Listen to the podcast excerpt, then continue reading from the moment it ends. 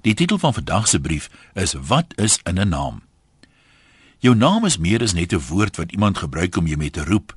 Dit kan wonderlik klink as jou geliefde dit saggies en liefdevol sê. Maar dit kan ook klink soos 'n wapen van massavernietiging as hy selfde vrou dit so letter vir letter uitspoeg soos 'n stenmasjiengeweer in die Tweede Wêreldoorlog.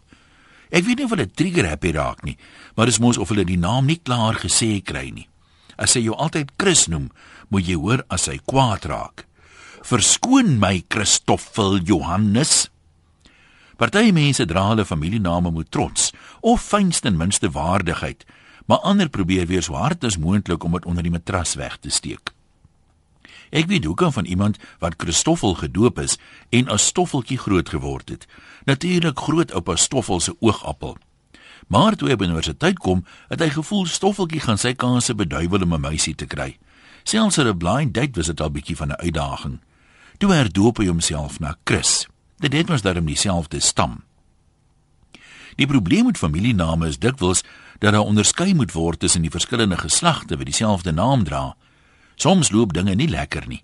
So was daar 'n oom met die naam Hans Kleinhans. Die oudste seun moes natuurlik toe sy naam kry, maar om tussen hulle te onderskei, raak hy toe Kleinhans Kleinhans.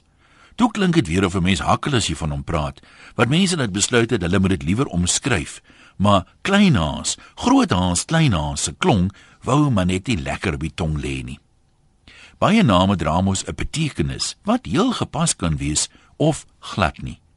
Ek weet nie of Murphy's law hier eers van toepassing is nie, maar almal wat ek ken met die naam Hercules is bloot te klein en pieperig om jouself te laat glo hulle is dalk verbasend sterk vir hulle grootte. Nasie trots het voorheen 'n groter rol gespeel in naamgee as vandag. 'n Dogter wat Osawania Kakabenia het, se naam verklap haar ouers se sentimente oor die groot trek. Dis 'n naam wat klink soos 'n sterk vrou met ruggraat en inbors.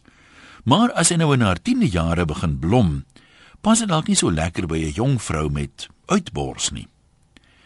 Ek weet nie eintlik van hedendaagse name wat uit nasie trots ontstaan het nie, maar dalk is daar al 'n kind Chicken Rania Australia gedoop. Ek het al baie gewonder watter name mense sou kies as hulle self kon kies.